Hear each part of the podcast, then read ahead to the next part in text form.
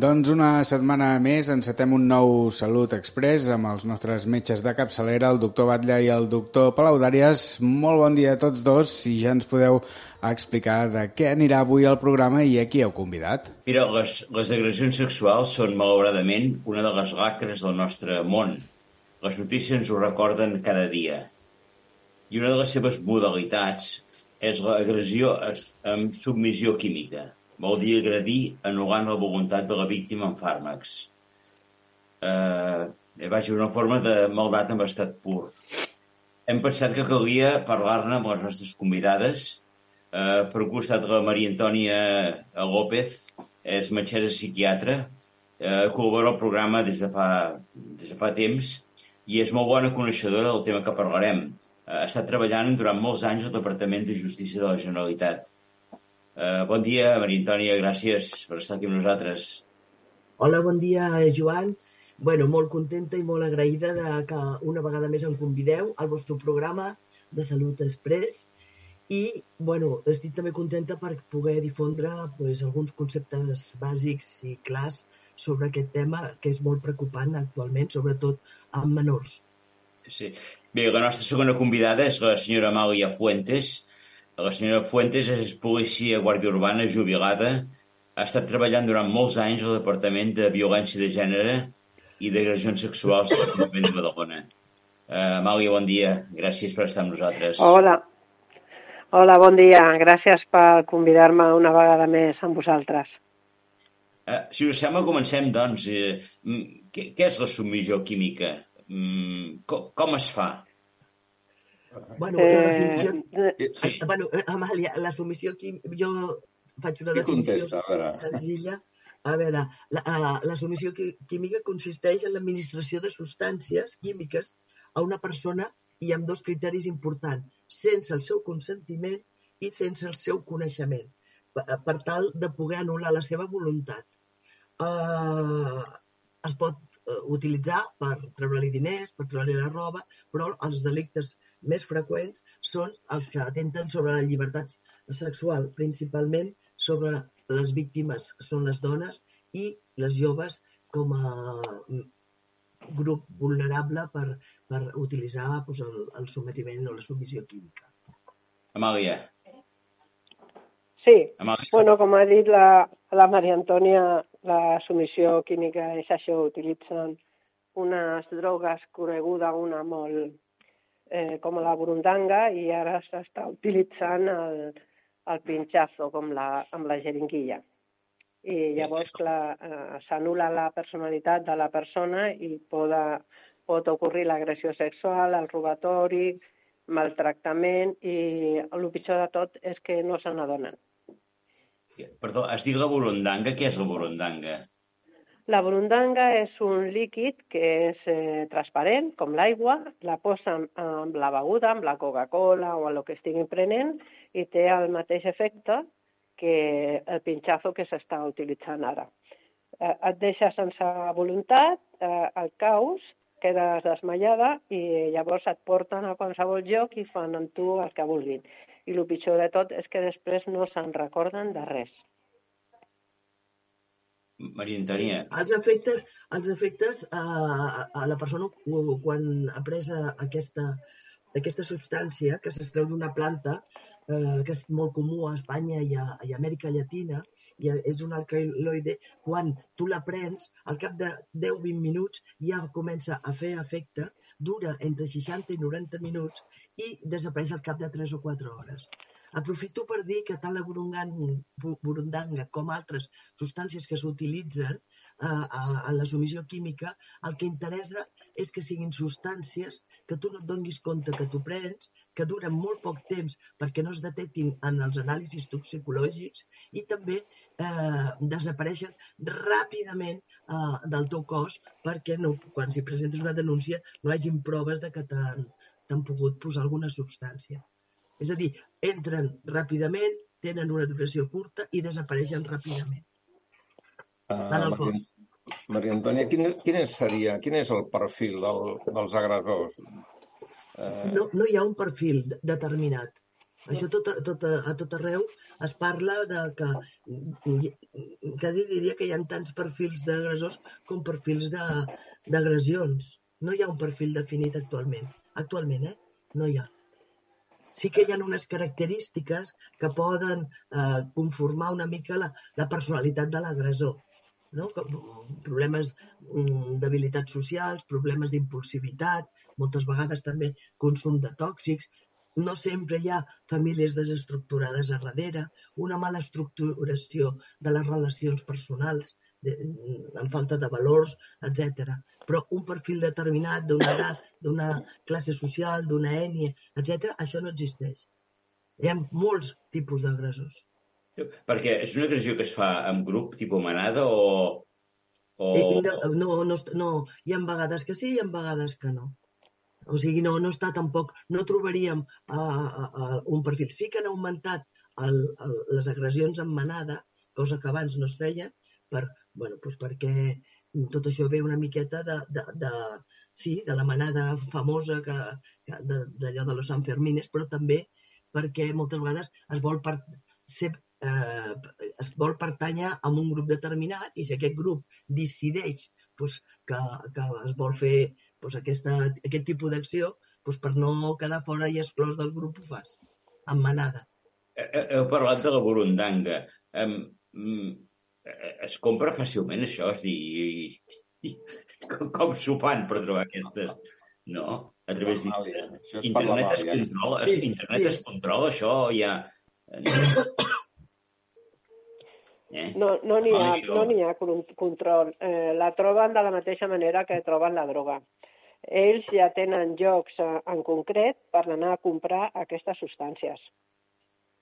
Llavors, clar, és difícil de, de trobar-la. Eh, sí que n'hi ha eh, grups d'investigació que tenen controlats els, els que venen, els camellos, però, clar, agafes a un i et trobes amb un altre. I aquests, aquests grups, quan ja han, de, han decidit d'utilitzar aquesta aquesta droga per violar o per agredir a una víctima, ja ho tenen tot preparat, ja ho tenen localitzat. Eh, el que passa és que quan la policia se n'adona, per desgràcia, ja ha ocorregut alguna agressió d'algun tipus.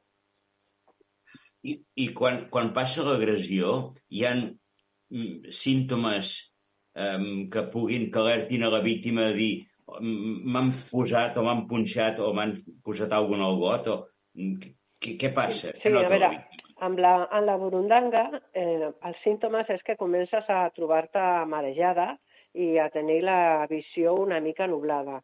Llavors, el que has de fer... El primer de tot és que no has de deixar el got a cap puesto.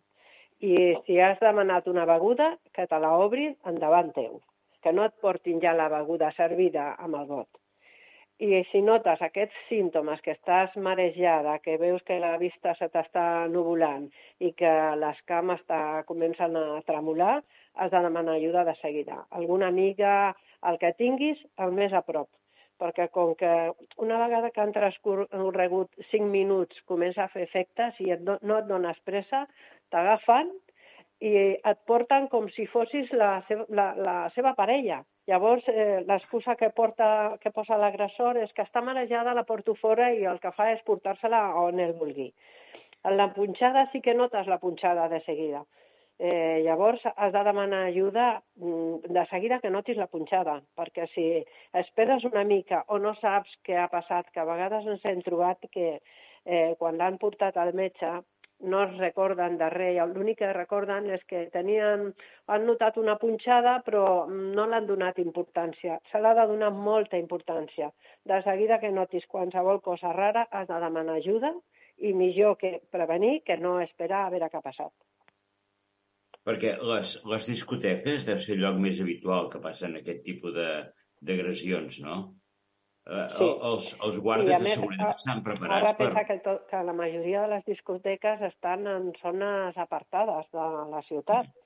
Eh, llavors, clar, n'hi ha molts de descampats on deixen els cotxes i si surt, surt un home amb una dona que la porta agafada i que diu que és la seva parella, parella que està manellada i la fica en un cotxe, no, no se li dona importància perquè el 90% s'ho creu, ha begut massa, està marejada, se l'emporta i a lo millor és un agressor que se l'emporta doncs, per agredir-la sexualment, per robar-la, per, per qualsevol tipus d'agressió.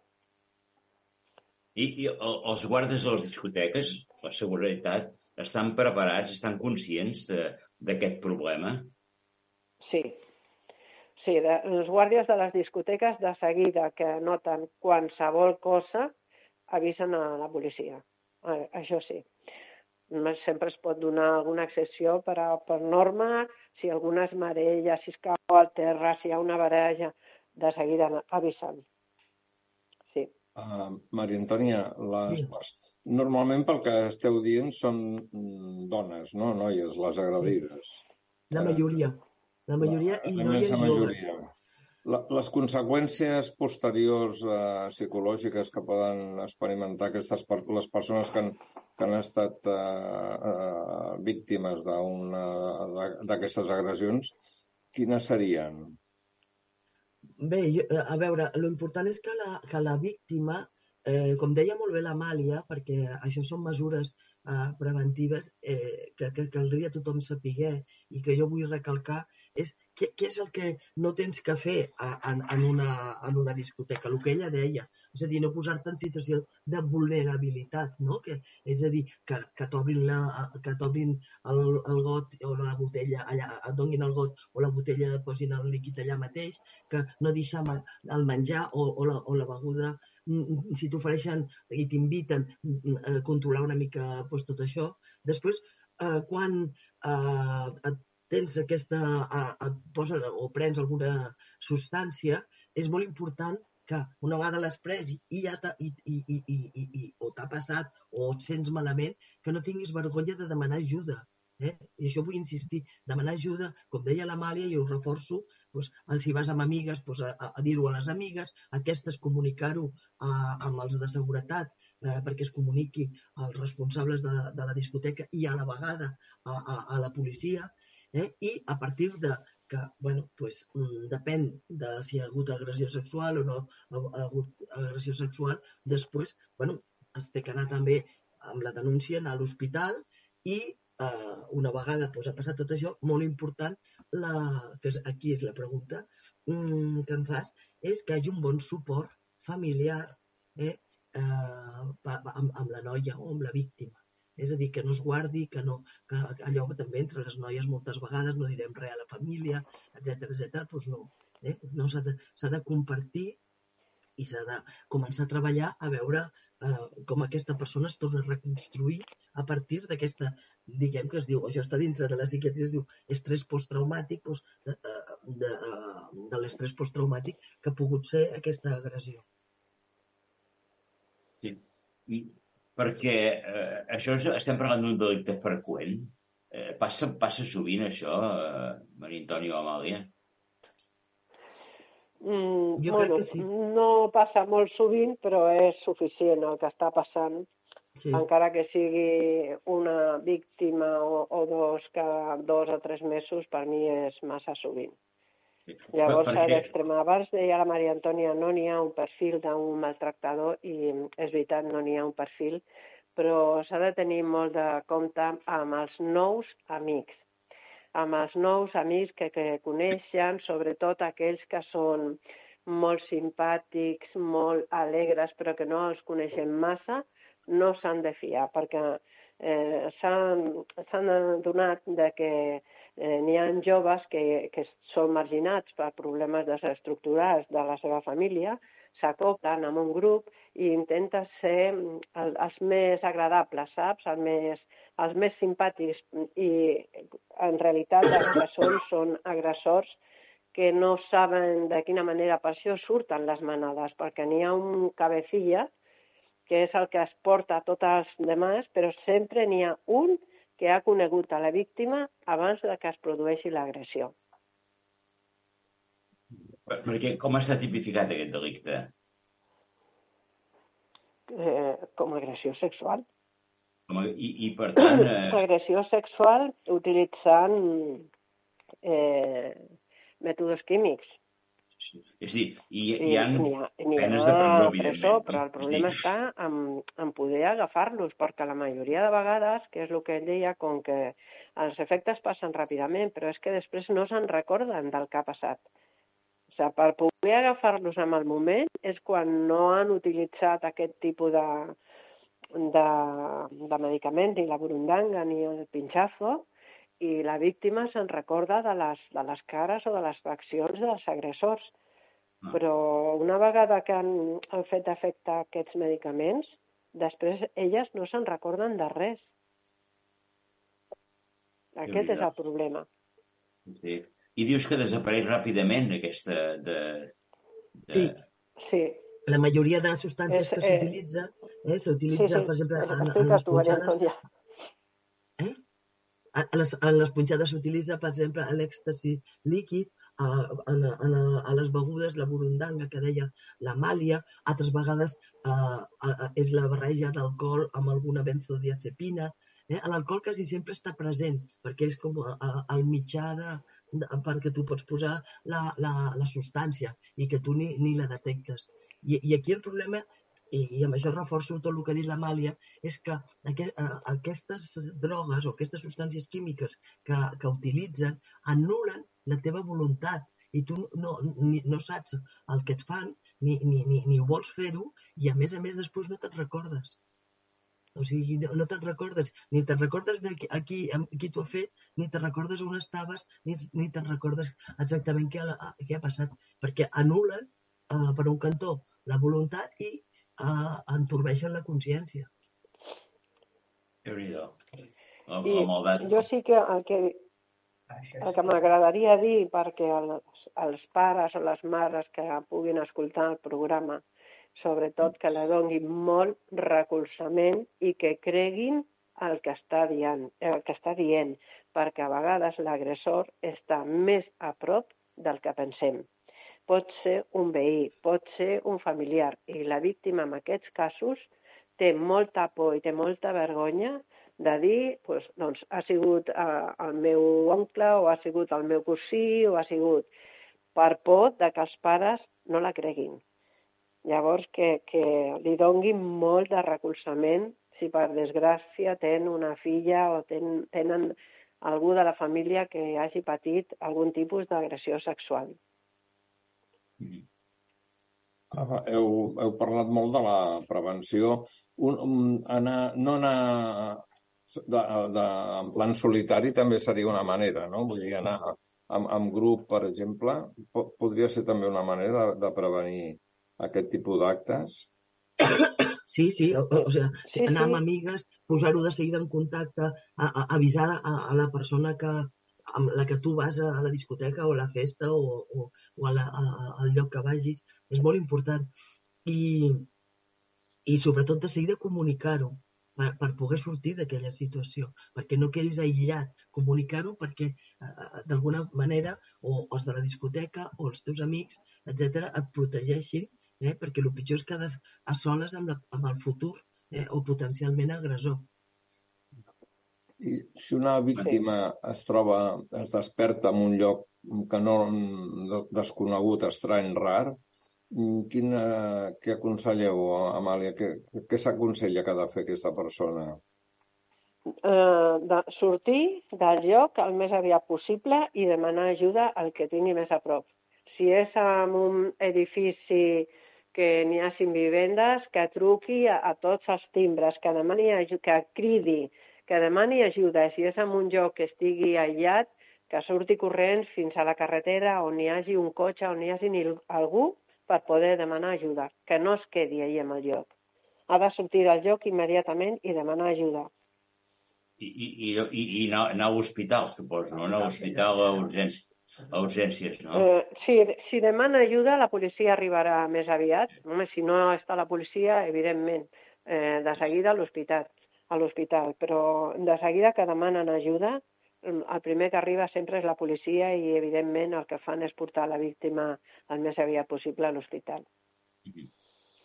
Però sí, ha de sortir del lloc i demanar ajuda i d'un hospital doncs a l'hospital, i si no, demanar que vingui la policia. Sí.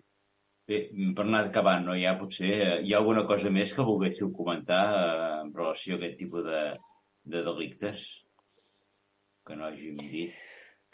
Doncs que aquest, aquests, eh, sempre que s'hagi patit algun tipus d'agressió, mm, que no tinguin vergonya, que ho diguin a una amiga, que ho diguin si tenen vergonya o tenen por, perquè a vegades tenen molta vergonya dels pares que ho comentin amb el professor o la professora, amb alguna amiga, que demanin ajuda o que vagin elles mateixes a la policia i ho expliquin, però que no s'ho callin. Ho han de dir. Maria Antònia. Sí, eh, i, i jo també diria mm, totalment d'acord amb el que diu l'Amàlia i jo també diria mm, que quan que quan s'està pues, a, a, així de festa que hi hagi com un control en el tipus de... o sigui, amb la manera de veure, no? És a dir, que tot allò que dèiem, no? Que, que, que, que hagi mm, i que s'estableixin un tipus de relacions, això és molt difícil de controlar, però un tipus de relacions una miqueta més, mm, diguem, més efectives que no tant el que està passant actualment, no? eh, amb el tema, tot aquest tema mm, més sexual, de la, tot, tot aquest tema de la pornografia, etc etc. no? que, que, que eh, estableix uns models de funcionament que, que faciliten uh, uh, una mica el clima perquè el tipus de relació que s'estableixi eh, entre noi i noia pues, sigui una, molt més agressiu, impulsiu, etc. I una de les formes és la submissió química. Mm -hmm. Eh, jo diria això, no? és a dir, establir relacions més sanes entre, entre els joves per evitar el màxim possible que es donin aquestes situacions. Bueno, si us sembla, anem tancant, no? Albert, tens alguna? Sí, sí, bueno, eh, no, no queda mm, prou clar, vull dir, eh, tu ara estaves parlant, eh, Maria Antònia, de la, la prevenció que seria aquesta Mm, nova relació de, de, de, de, social, no? Vull dir, seria, clar, és una solució molt a, a llarg termini, perquè forma part molt dels valors, no? I de l'educació, sobretot en, en l'època de l'adolescència, no? Vull dir, pel que estaves dient, és així, no? Sí, exactament. És a dir, mm, jo no sé, perquè realment és unes generacions que, que ha entrat tot el tema de les xarxes digitals i, i, i és bastant difícil de controlar, però que no, no s'ha de deixar mai de, de fer esforços per, per millorar i per, per millorar i per inculcar d'alguna manera uns, uns certs valors en les relacions. És a dir, que té que ser, per mi, minimitzar les vegades que es pugui passar un tipus d'agressió sexual d'aquest tipus perquè les situacions no, no, no ho afavoreixin. I, en canvi, estem en un context que, en lloc de minimitzar, es maximitza? Tant perquè per l'accés a la pornografia dels menors, tant perquè són relacions que es banalitzen actualment, després dels botellons o quan es veu molt, eh, perquè no hi ha masses eh, tracte eh, afectiu, després hi ha tot aquest tema del consum d'alcohol i drogues que està molt incidint. Llavors tot això és un caldo de cultiu, de cultiu perquè es puguin produir aquest tipus de, de, d'agressions. I clar, té que haver una resposta una resposta el més contundent i a la vegada a nivell preventiu doncs això, d'anar informant, d'escoltar els menors, etc etc, perquè d'alguna forma es posem en uns llocs en què és possible que passi tot això i que no sigui estrany pel tipus de relacions que, que, que, que hi ha establertes ara quan la gent jove, molt jove, surt a divertir-se. El tema que no, que no, no va al cas, però ens hem de divertir bevent tant fent tot el que estan fent ara, és, eh, és una fórmula que tindria que, que també analitzar perquè ens hem de divertir eh, d'aquesta manera que, que quedes eh, fet pols. Jo ho deixo aquí. Eh? O sigui, ja sé que, que queda carca, però, però és que és veritat. O sigui, tu, nosaltres perquè ja no hi anem, però si tu vas a la sortida d'una discoteca actual a les 5, 6 del matí, ja veuràs quin, els individus com surten. Individus vol dir nois i noies, eh? Que això quasi, quasi seria motiu per un altre programa, eh? I tant, Joan, i tant. Però és veritat, i dintre d'aquests contextos es favoreix això de la submissió química. Molt bé, doncs Molt. si us anem tancant, no, ja, Albert? Sí, sí. Va. doncs, no sé, agrair moltíssim la vostra col·laboració i, bueno, i que comptarem amb vosaltres per altre, en altres ocasions. Eh? Moltes gràcies, moltes gràcies, moltes gràcies eh? Maria Antònia. Vale, moltes gràcies. Bueno, moltes gràcies a vosaltres per convidar per convidar-nos i, i quan vulgueu eh, venim a, al vostre programa. Vale, moltíssimes gràcies. Moltíssimes vale. gràcies. Vale, gràcies. Adéu. Adéu. Gràcies a vosaltres. Adéu. Adéu, bon dia.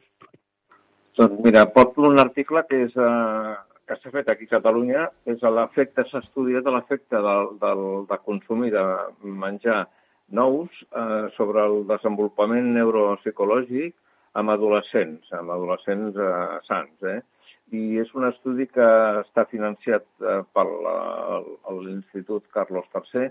Intervenen Mm, molts, molts altres eh, entitats d'investigació d'aquí a Catalunya, per exemple, l'Institut d'Investigació Sanitària Pere Virgili, la Universitat Pompeu Fabra, l'IEC Global de Barcelona, el Clínic i moltes més. Bueno, no, explico això per, perquè és una cosa nostra. Habitualment sempre expliquem historietes dels americans.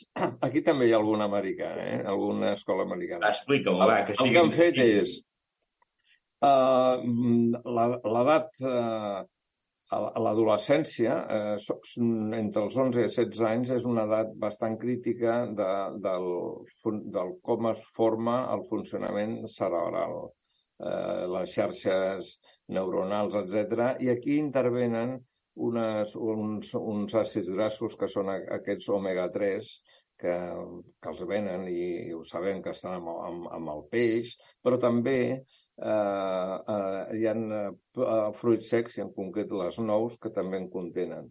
I mm, han volgut veure si, quin efecte podia fer eh, si, eh, si es prenen o no es prenen a, a, a, aquests eh, àcids grassos, omega-3, en aquest cas, en forma de nous. I aleshores el que han fet, l'estudi ha, ha estat durant sis mesos eh, s'han fet dos grups, i dic, d'escolars, de, de, que han sigut eh, randomitzats. Això vol dir eh, grups equiparables, uns durant sis mesos prenent una quantitat aproximada d'uns 30 grams de, de nous diàries i altres que no en prenien.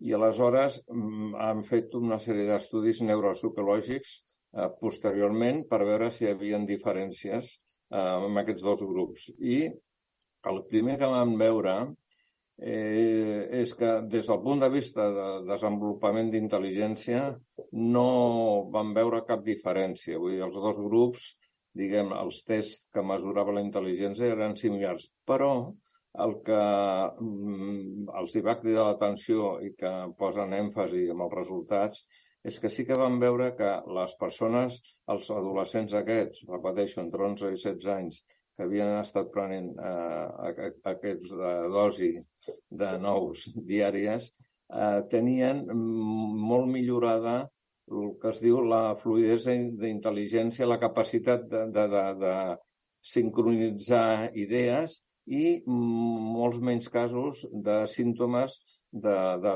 del síndrome aquest d'hiperactivitat. Eh, i aleshores mm, venen a dir que mm, probablement bueno, que, que això és remarcable i que mm, hauria de formar part dins de la dieta dels adolescents una part important d'omega-3, que en forma de peix és molt difícil aconseguir-ho, però sí que es podria aconseguir pues, això, simplement prenent un, un, un grapadet de, de, de nous cada dia. I això és una, i és, i és un estudi d'aquí, eh? intervenen molt, molta gent. Eh? Molt bé, també està bé, no? Menjar nous. Molt és bé. més llarg la, la relació d'instituts d'investigació que intervenen gairebé que de l'article. Bueno, I bueno, penso que és com força interessant. Eh? Eh, tu ja prens nous? Eh? Jo n'he pres tota la vida de nous. Tota la vida. Bueno, I tu també, no? no? Sí, doncs en aquest cas jo penso que és, Aquí s'ha de dir que qui ha subvencionat això hi ha hagut també una part de suport d'una companyia californiana de nous, eh? Però, bueno, d'alguna manera els havien de treure. Però bueno, el, les conclusions han estat aquestes i com molt, molt cridaneres, eh, en aquest sentit positiu. Vale. Doncs mira, jo voldria parlar d'un article que ha sortit que parla de l'activitat física camuflada. Camuflada. O sigui, Què vols dir, camuflada? Ah, T'ho explicaré tot seguit. I aquesta activitat física camuflada redueix el risc en persones sedentàries. Um, ho, ho dic perquè l'esport és, eh, junt amb l'alimentació i un estil de vida adequat, es coneix ben bé que ajuden a mantenir la salut i a prevenir malalties eh, cardiovasculars, eh, inclús la diabetes o inclús el càncer, no? segons diu l'OMS. Però també l'OMS diu que una quarta quart de la població, una quarta part, eh, és sedentària, és dir, no arriba a un mínim d'activitat física. Llavors, eh, per aquesta gent que no tenen temps de fer activitat física, eh, han inventat el que diuen activitat física camuflada. És dir, fer eh, exercicis vigorosos, vigorosos de forma eh, breu. Com, per exemple, caminar dos minuts a pas ràpid o pujar les escales eh, ràpidament. I llavors han vist que practicar mm, tres o quatre ràfegues al dia d'aquesta activitat física camuflada, és a dir, que seria doncs, uns 30 minuts a la setmana, eh, pot reduir el risc de patir problemes cardiovasculars i també de càncer en persones d'edat mitjana. Això ho ha publicat una prestigiosa revista, és el Nature. I ho van fer seguint 25.000 persones eh, d'una edat mitjana de 62 anys. I van veure doncs, que això que tenia aquests efectes benèfics, no? Eh, no, no? Ve dir que eh, sempre s'insisteix en la, els beneficis de l'exercici i fins i tot aquest, no? Vull dir que aquest que no és com molt evident o aquest... Perquè eh, em pots tornar a dir quin, quines activitats físiques són aquestes que es consideren com a activitat física camuflada? Doncs mira, pujar les escales eh, ràpidament o caminar ràpid dos minuts al dia. Caminar ràpid, dos minuts al dia. És dir, que això ho pots fer-ho, jo què sé, eh, qualsevol... quan surtis al carrer. Això. Sí, és fàcil de fer. Mm. I, I si et diuen, ei, ei, si et criden, tu no paris, no? Jo faig activitat no paris. Llavors, ells recomanen fer un mínim de o tres sessions d'un minut cada dia, o dos minuts cada dia. Bueno, doncs... I doncs està bé. Està I bé. això, mm, evidentment, si tu fas eh, una, una vida amb, amb un cert esport, doncs això es veu que encara ho reforça. És dir, que bueno, és una idea que recomana, no que inclús per la gent que no tingui temps, doncs i tot això serveix. Albert, ara toca a tu. Uh, uh, sí. Tinc, uh, Eh, recordeu eh, que hi ha moltes campanyes contra el tabaquisme eh, i, una de, i ja fa temps van sortir uns eh, aparells, aquests els vapeadores, eh, aquests que produeixen eh, han substituït la cigarreta per un sistema electrònic i amb un líquid i eh, ingereixes doncs, des d'aromes, eh, també nicotina, eh, amb la idea de deixar de fumar. Això eh, ja fa, es va posar ja molt de moda farà uns 7-8 anys, possiblement una mica més. Amb l'època de, del, de la Covid eh, es va incrementar molt perquè, amb, sobretot amb, amb el consum amb adolescents d'això, per, eh, per l'ansietat que es va crear, i es van començar a veure molts cas, casos, això és, un, són, és una comunicació de l'Acadèmia eh, Americana de Malalties del Tòrax pulmonars i, i es va veure que hi ha un percentatge d'adolescents, de nois, que si, si eh, l'ús dels vaporitzadors, aquests, que ara no fan fum, eh, vull dir, el que es diuen ara cigarreta electrònica, doncs poden produir inflamació pulmonar que pot tenir mm, seqüeles llargues. Vull dir, això no és que sigui molt freqüent, però eh, fan una advertència que aquests sistemes de deixar de fumar substituint el tabac per la cigarreta electrònica té un, aquests riscos importants i no, no s'han no de, no, no ha de ser la base d'aconsellar per, per deixar de, de fumar. Eh, simplement és una advertència en aquest sentit. Mm, de fet, abans cridava molt l'atenció perquè creava molt, molt de vapor. Ara són uns sistemes que pràcticament eh, la persona mitja amagada va pipetejant i venen a dir que Mm, de, de no fer-lo servir eh, en gran extensió. Eh, I això és, és, és un, bueno, una crida de saber-ho. També l'article fa referència en els professionals perquè tinguin en compte eh, eh, aquest tipus de, de, de, de fumar que pot mm, provocar malalties eh, pulmonars i en descriuen uns quants casos que poden ser eh, habitualment llargues. Això, amb la Covid, com també feia una pneumònia semblant, diuen que en molts casos que es van donar durant la Covid, i estem parlant dels Estats Units, possiblement eh, estava sota també el, aquest efecte nociu d'aquests sistemes. I, bueno... de fet, amb aquestes eh, cigarretes electròniques eh, es respira mm, molts productes que són potencialment tòxics és dir, no hi ha nicotina, o sí hi ha nicotina, però hi ha, per exemple, el glicerol, hi ha moltes eh, components que poden ser realment dolents, no? Poden provocar una inflamació de, de, del pulmó, una, una pulmonia, una pneumònia, ara ja la paraula és més, més, més coneguda, més popular, mm, semblant a com produïa el virus de la Covid, vull dir, és una cosa coneguda. I no, i aquí torno a dir que remarquen que possiblement amb la Covid alguns casos haurien ser d'aquest tipus, perquè s'associava molt Covid amb, amb, amb, amb l'ús d'aquests sistemes i no, i no pas de, de cigarretes. Bé, eh, penso que és un, toc de, és un punt d'atenció important i que si algú no. vol deixar de fumar, doncs, que no ho faci amb, eh, amb aquests sistemes. No és inoc, Hem parlat d'altres... Eh? D'altres medicaments i altres sistemes que no utilitzen aquests substituts.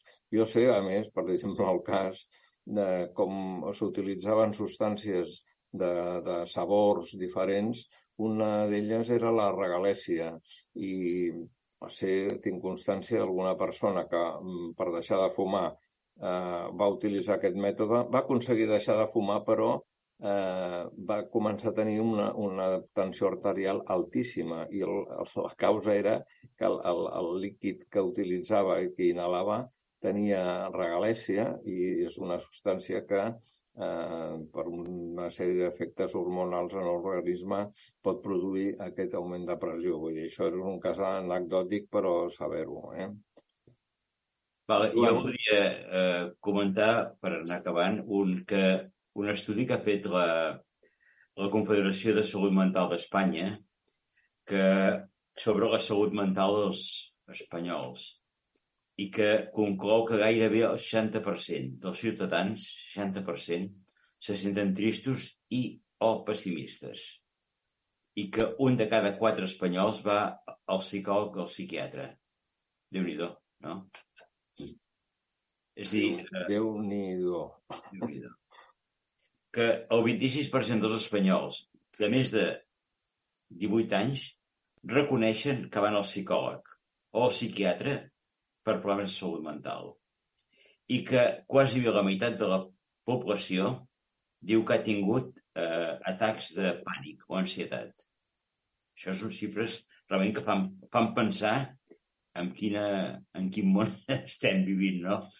Que i aquest diu que, diuen inclús que aquest 26% s'hi té que afegir una altra quantitat no determinada, que són aquells que no tenen diners per pagar-se el psicòleg. Que, bueno, sí, que déu nhi I llavors eh, diu, bueno, però quins són els motius perquè eh, tot això estigui passant, no? Doncs eh, parlen de motius econòmics, eh, el perdre la feina, la por de perdre la feina, o escassetat, és dir, la pujada de preus, les incerteses davant del futur, el tipus de vida accelerat que es porta amb la feina, amb la família, amb l'estrès, l'estrès i una societat aquesta competitiva, no? que cada vegada hi ha més eh, pressió, més estrès. Eh, bé, tot això es veu que a més és més greu amb els joves de 18 a 34 anys. En aquest grup de població de 18 a 34 anys, només un 30% consideren que la seva salut eh, mental, psicològica, és bona o molt bona. Hi ha un 70% que diuen que no se senten bé amb joves. Això són dades d'un estudi espanyol, no? que és sí, la sí. situació de la salut mental a Espanya. No? Eh... Que, a, a més, és, és preocupant perquè diu que la tassa d'intents d'idees o intents de suïcidi arriba al 31%. I, són, jo quan es vaig llegir aquestes xifres dic, ostres, realment és, que no, no són intents, eh? estàs parlant idea, no? I, idea, ideacions suïcides, sí, sí, ideacions suïcides. Bueno, Llavors, eh... eh... es pregunten què cal fer davant d'aquest panorama. No sé... Llavors, clar, el que ells no diuen és que potser que tenien que plantejar-nos en quin món estem vivint, no? Val, sí. Però bueno, llavors ells el que diuen no, el que diuen és que, es, que esclar, que es, demanin, es destinin més recursos a la cura de la salut mental. Això és lògic, no? Clar. complicat. Sí, sí. Tinc, tinc, tinc dos minuts, sí, no? Per... Sí. Mira, aquest de... Parlant de, de, de, de... Sempre hem parlat de la importància del dentista i que s'ha d'anar doncs, com a fer una revisió almenys un cop l'any o, o si pot ser dos, de, per, per cuidar la boca, amb el sentit que això té també disminueix el risc de tota una sèrie de malalties, diabetis, etc etc. I bueno, ha sortit una publicació del Consell General de Dentistes d'aquí a Espanya que van, han estudiat, han fet tot un estudi comparatiu a Europa sobre quin és el suport de, de la, el suport públic o sigui, de, sobre la salut bucodental.